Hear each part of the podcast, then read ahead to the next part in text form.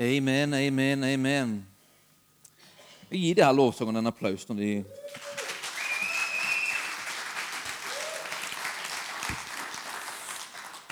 Det er gaver til oss som eh, så veldig, veldig, veldig mange andre.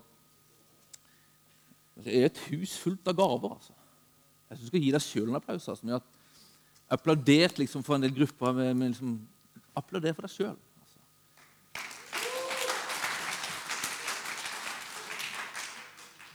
Det er en så enormt stor gjeng som legger ned sine liv på denne plassen for å skape det som eh, er Froda misjonskirke. Froda misjonskirke er ikke en bygning, egentlig. altså. Selv om kanskje bygningen etter hvert får et skilt på seg. sånne ting. Så eh, jeg har et skilt, men det har du ikke. Men eh, så er Froda misjonskirke det er oss. Det er oss. Og det er holdes oppe på, først og fremst av Herren, men det at vi stiller oss og vil gå for Han og sammen med Han bygge dette stedet, det er du en viktig del av. Og Det er fantastisk. Lovsangen er for meg det er på en måte et utrolig viktig sånn her nav eller en motor i det vi ønsker å være. Vi ønsker å være en, et veksthus. Og Et veksthus har en, en viss atmosfære, og vårt veksthus ønsker å ha atmosfæren av Gud nærvær av Gud. Og jeg tror at lovsangen er en sånn nøkkel til det. Altså. Det står i Salme 22 er det vel, at, at Herren troner på Israels lovsang, altså hans folks lovsang. Og Vi ønsker å bygge en trone så at han får prege med sitt nærvær. Sånn at det veksthuset kan produsere de her etterfølgerne. Vet, etterfølgere er vi både med at vi ligner Jesus, og at vi er de som kommer etter ham. Altså, Vi er så like som han. Bibelens bilde av du er at du er lik han.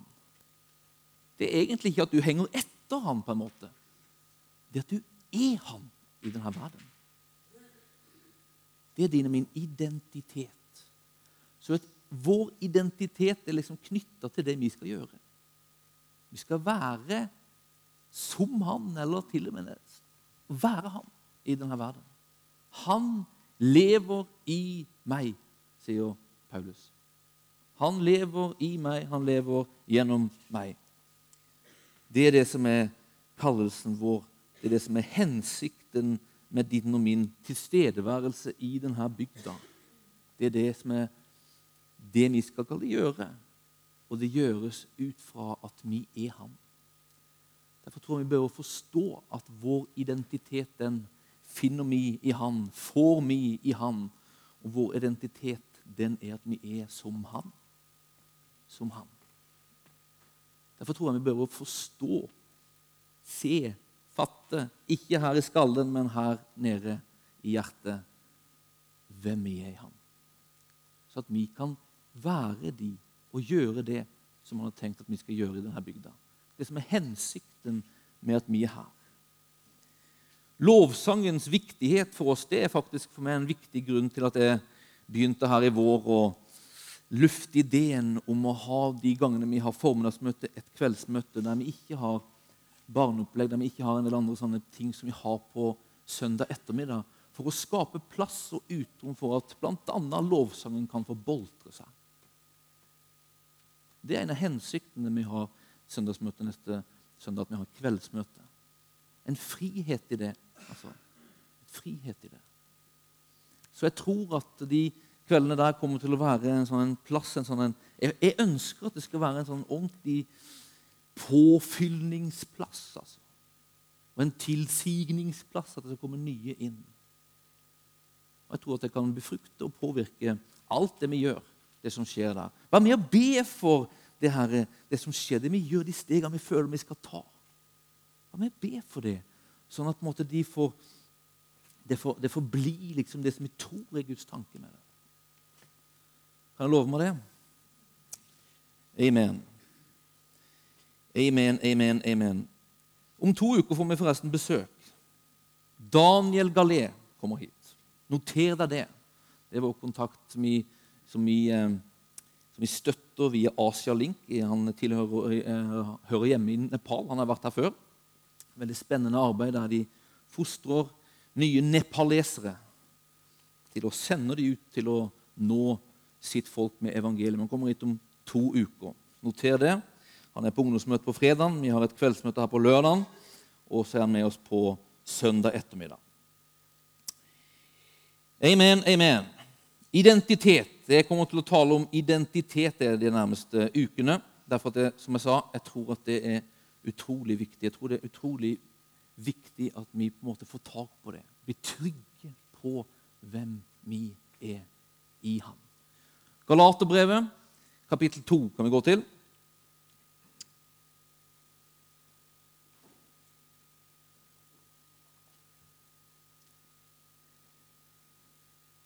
vers 16. Men vi vet at ikke noe menneske blir rettferdig for Gud ved gjerninger som loven krever, bare ved troen på Jesus Kristus. Derfor satte også vi vår lit til Kristus Jesus, så vi skulle bli kjent rettferdige ved troen på Kristus, og ikke ved lovgjerninger. For ikke noe menneske blir rettferdig ved lovgjerninger.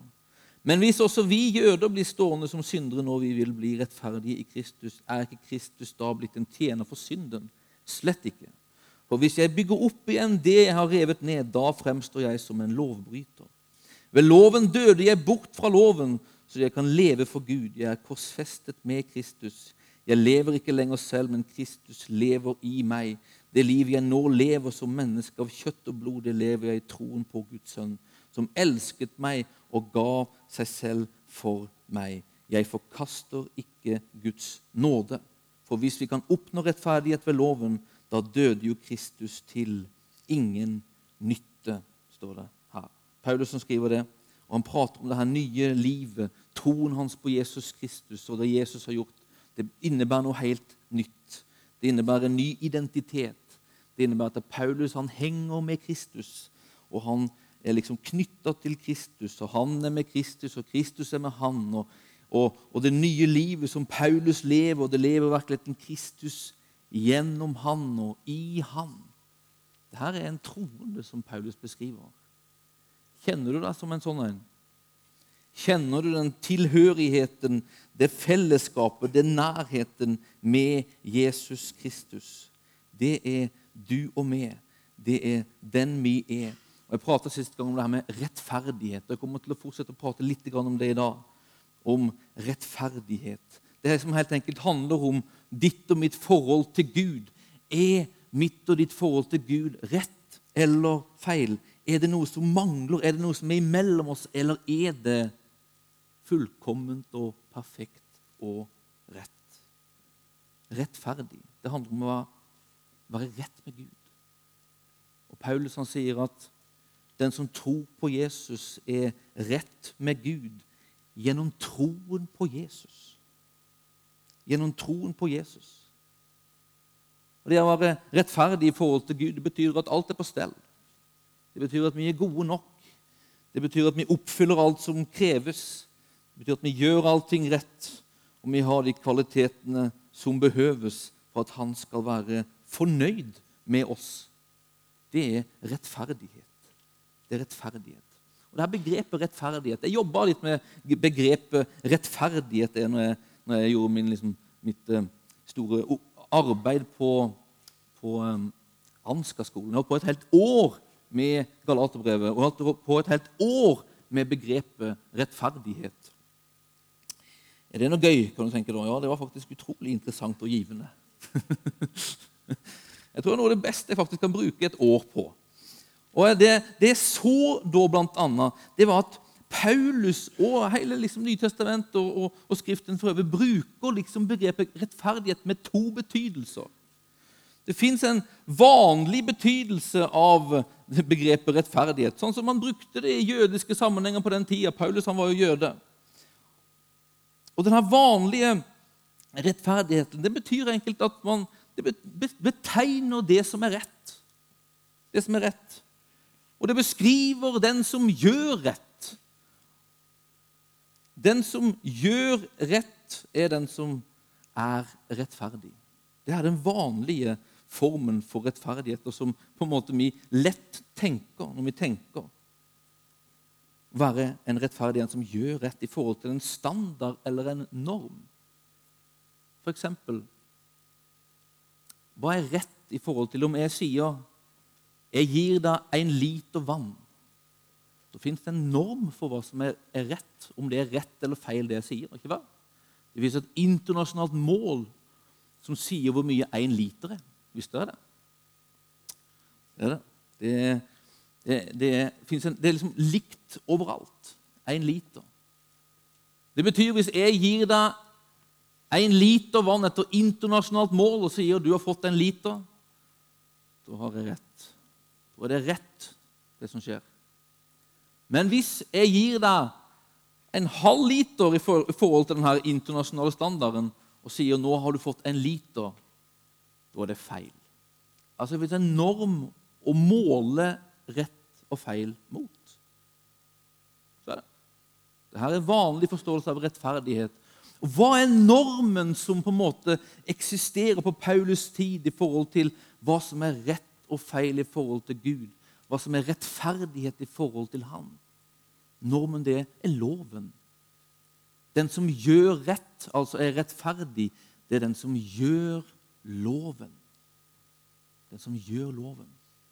Den som gjør det Gud vil. Det er det som er målet på rettferdighet. Målet på rettferdighet. Og Det som òg er typisk denne vanlige formen for rettferdighet, det er jo at den som på en måte skal bedømmes, det er dens kvalitet som er avgjørende, som blir målt her. Hvis mitt forhold til Gud skal avgjøres om det er rett eller feil, er jeg rettferdig eller ikke rettferdig, så er det om jeg når opp til den standard som gjelder. Om jeg har gjort det som kreves. Om jeg har gjort det som loven sier. Det er vi som måles. Og hvis jeg har gjort det, så er jeg rettferdig.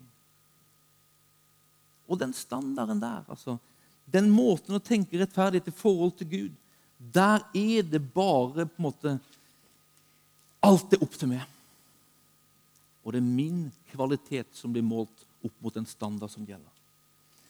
Den måten å tale om rettferdighet, det å gjøre rett gjerninger, den bruker Paulus, og den brukes i Det nye testamentet. En vanlig form for liksom, rettferdighet. Men Paulus bruker ikke bare en vanlig form for rettferdighet. Derfor at Paulus han konstaterer allerede her i den teksten vi leser, at på den veien, ut fra den måten å forstå rettferdighet på, så er det ingen, ingen, ingen som får stempelet rettferdig på sitt liv. Ingen. I Romerbrevet kapittel 3 så sier han det her. Det fins ikke en som er rettferdig. Salme 14. Galaterbrevet 3 sier Paulus, og det er klart, vers 11, at ingen blir rettferdige for Gud ved loven. Paulus svarer det er ingen som lykkes. Det er ingen som lykkes. Oppnå rettferdighet i den forstand som rettferdighet som vanligvis ble forstått. Ingen lykkes. Mange har prøvd, men ingen har lykkes. For loven er den standard som gjelder, på samme måte som at internasjonale mål for hvor mye liter gjelder når det gjelder litermål så er det loven som gjelder i forhold til Gud. Ingen oppnår rettferdighet på den måten som rettferdighet vanligvis skal forstås. Romerbrevet kapittel 3, vers 20, sier han det igjen.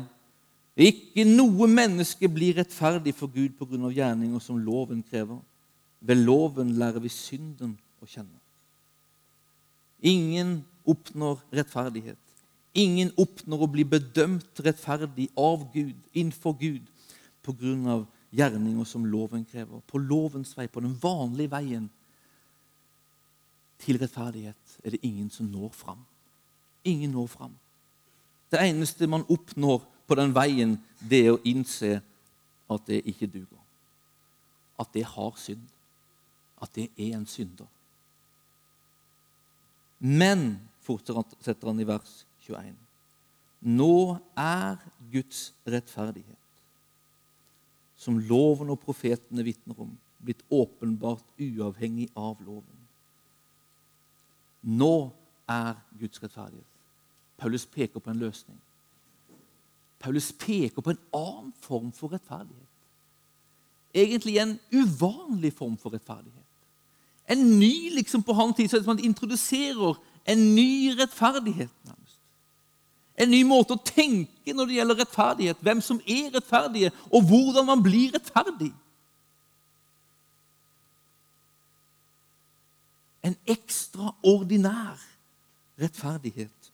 Nå er Guds rettferdighet, som loven og profetene vitner om, blitt åpenbart uavhengig av loven. Dette er Guds rettferdighet som gis ved troen på Jesus Kristus til alle som tror. Her er det ingen forskjell, for alle er synder og mangler Guds herlighet. Men ufortjent av Hans nåde blir de kjent rettferdige, frikjøpt i Kristus Jesus. Ham har Gud stilt synlig fram for at han ved sitt blod skulle være soningssted for dem som tror. Slik viste Gud sin rettferdighet, for han hadde tidligere i tålmodighet holdt tilbake straffen for de synder som var begått men i vår tid ville han vise sin rettferdighet, både at han selv er rettferdig, og at han kjenner den rettferdige som tror på Jesus Kristus. En annerledes rettferdighet. En rettferdighet som loven og profetene de vitner om den, men den er blitt synlig og blitt tilgjengelig, blitt, blitt åpenbart uavhengig av loven. Det er en annen vei enn den vanlige veien til rettferdighet. Og den andre veien det er troen på Jesus Kristus. En uvanlig rettferdighet. Guds rettferdighet.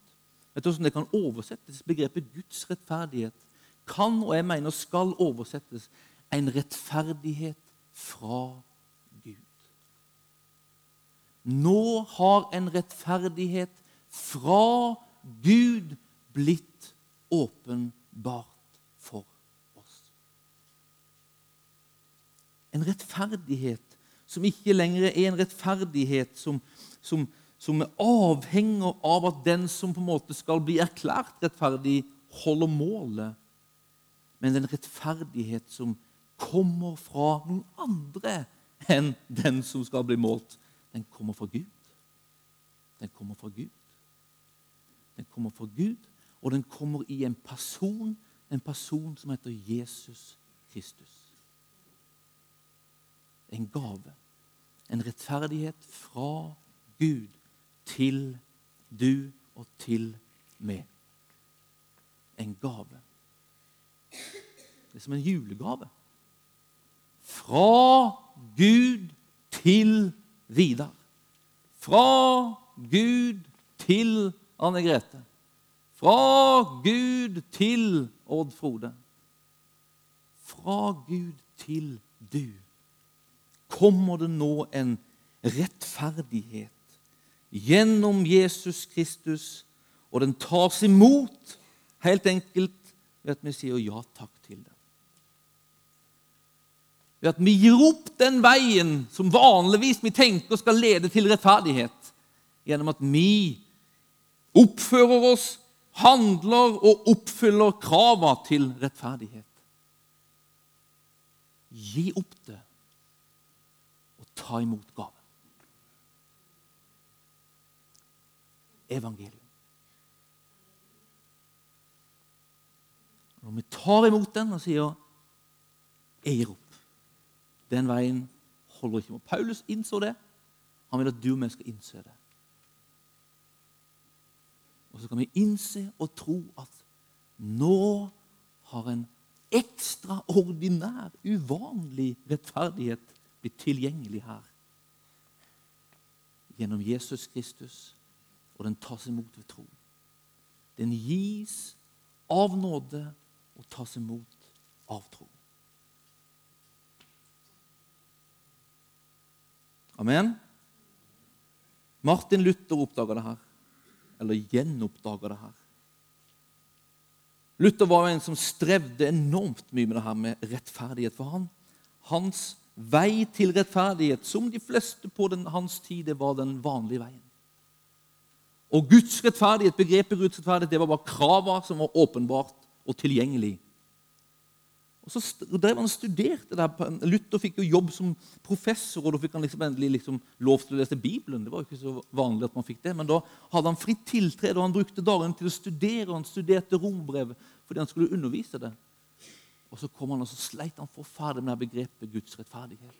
Og Han kjempa med krav gjennom hele sitt liv Luther fram til den punktet. Og så står det i Romerbrevet 1, vers 17, at evangelium Altså, evangelium åpenbarer Guds rettferdighet. og Han kunne ikke få, få i hop det her at, at denne rettferdigheten som bare var krav, skulle være et godt budskap. For han var et forferdelig budskap. Han sa med hånda på hjertet Luther at han hata Gud. Men så studerer han det, og så er det som at lyset begynner å sige, sige, sige opp. Og Siste uke så pratet vi om denne polletten som må ramle ned. Som vi forstår det og ser det. Og så begynte eh, Luther å se akkurat det som vi prater om. At dette er jo en annen form for rettferdighet. Det er en rettferdighet som kommer ifra Gud. Som Han gir av nåde. Ikke på strevets vei, som Luther hadde kjempa steinhardt for han var heltidsengasjert, kan jeg si det. altså. Men ved nåde så kan jeg ta imot det i tro på Jesus Kristus. Og han innså at nåde, at rettferdigheten var en gave. Og så innså han at troen òg er en gave, og at alt blir nåde når det gjelder min rettferdighet i forhold til Gud. Og Luther han, liksom, han, begynte liksom å se det her, og så begynte han å undervise det her. Og så begynte han å ikke kunne la være å prate om det her. Og så fikk han jo store problemer ut fra det her. Og Jeg leste en gang om, om, om Luther. så sto Det sånn, det største feilen den katolske kirka gjorde i forhold til Martin Luther, det var å gi han tiltrede til Skriften. Veldig sant, altså.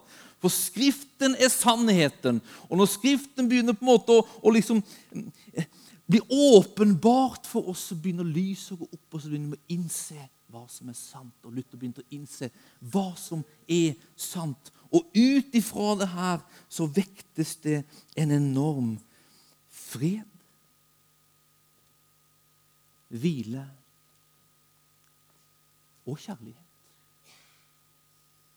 Og kjærlighet. Luther oppdaga det. Har du oppdaga det? At din rette eller feil stilling i forhold til Gud ikke bygger på om du oppfyller en standard. Men det bygger på om du har tatt imot gaven som er Han som har oppfylt standarden for deg. Det er at Hvis du ikke oppdager det, så er det blant annet veldig vanskelig å leve for noe andre enn deg sjøl. Da blir ditt liv handler om å oppfylle standard, gjøre Gud fornøyd og happy. Og til og med det du gjør for andre, blir med en slags agenda her inne at da må jeg gjøre, gjøre det her også. Når jeg gjør det, så blir Gud veldig happy. Fornøyd. Gjør det ikke, så er han ikke helt fornøyd med meg. Altså, det blir et strev av det. Hvis ikke den tryggheten hos ham, din rette stilling hos ham, hviler på Jesus Kristus, Guds gave, så blir ditt liv begrensa i forhold til det han har tenkt for ditt liv.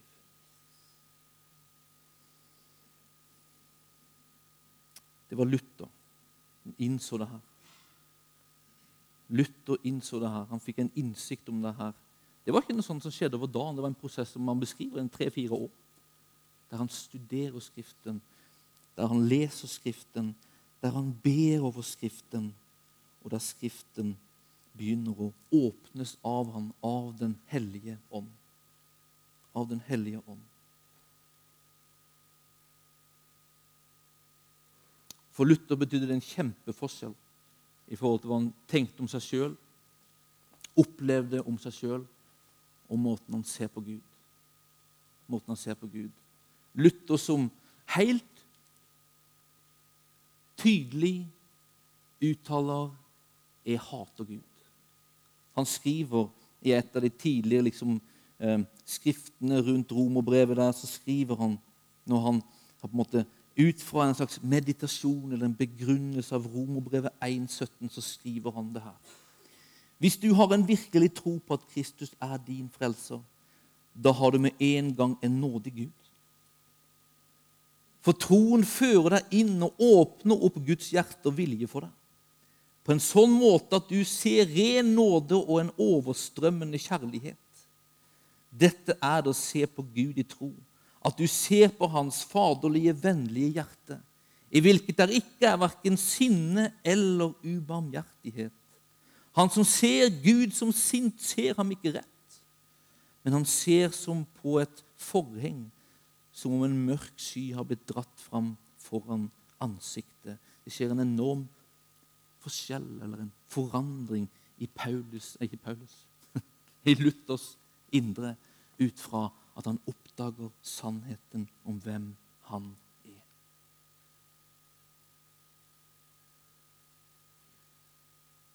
Hvis du har en sint Gud, så formidler du en sint Gud. Hvis du har en Gud som elsker, så formidler du en Gud som elsker. Det å innse hvem Gud er, og det å innse at du er av Han, det tror jeg er direkte avgjørende for at vi skal gjøre den hensikt vi er satt til å gjøre, nemlig å vise Han som Han er i denne verden. Et sant bilde av Han og et sant bilde av den du er, er så viktig. Er så viktig. Din og min identitet er knytta til det kallelsen Gud har på ditt og mitt liv.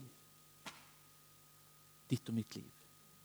Skriften er nøkkelen, Skriften er sannheten. Og min bønn er at han skal få åpenbare sin sannhet for du og meg.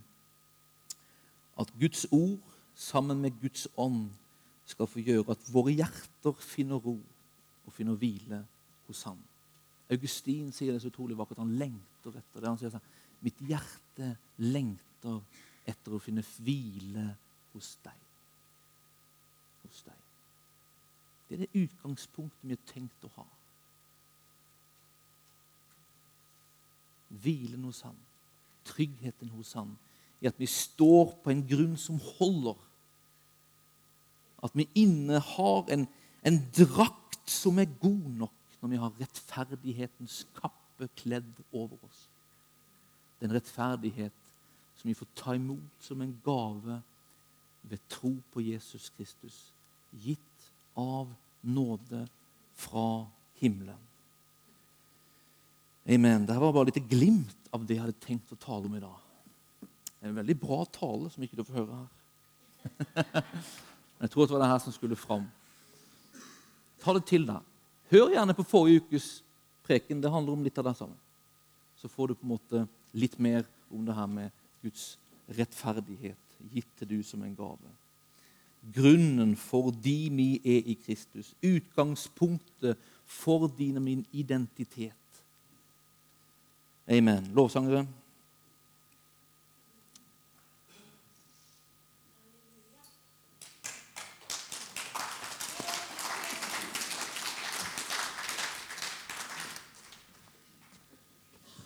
Vi skal eh, lovsynge sammen. Da åpner vi opp for forbønn her foran. Um, hva som helst. Har du ulike behov, er du veldig velkommen fram, så ber vi gjerne for deg og med deg. Men jeg kjente spesielt særlig på det her med, med frykt i dag. Frykt. Hvis du kjenner liksom på, på frykt i livet, frykt på en, sånn, på en sånn feilaktig redsel i forhold til Gud, i forhold til mennesker, i forhold til omstendigheter, en frykt som forlang, for, forlammer og begrenser deg, som holder deg tilbake som skaper en sånn konstant sånn usikkerhet i deg, så vil vi gjerne spesielt be for deg. Og jeg tror at han ønsker å møte. Luthers frykt, redsel Løsningen var en innsikt og et møte og en erfaring av hans godhet, kjærlighet og nåde. Og Jeg tror at Den hellige ånd på en måte utøser Romerbrevet 5 sier at Hellige ånd er utøst, eller Guds kjærlighet er utøst i våre hjerter gjennom Den hellige ånd.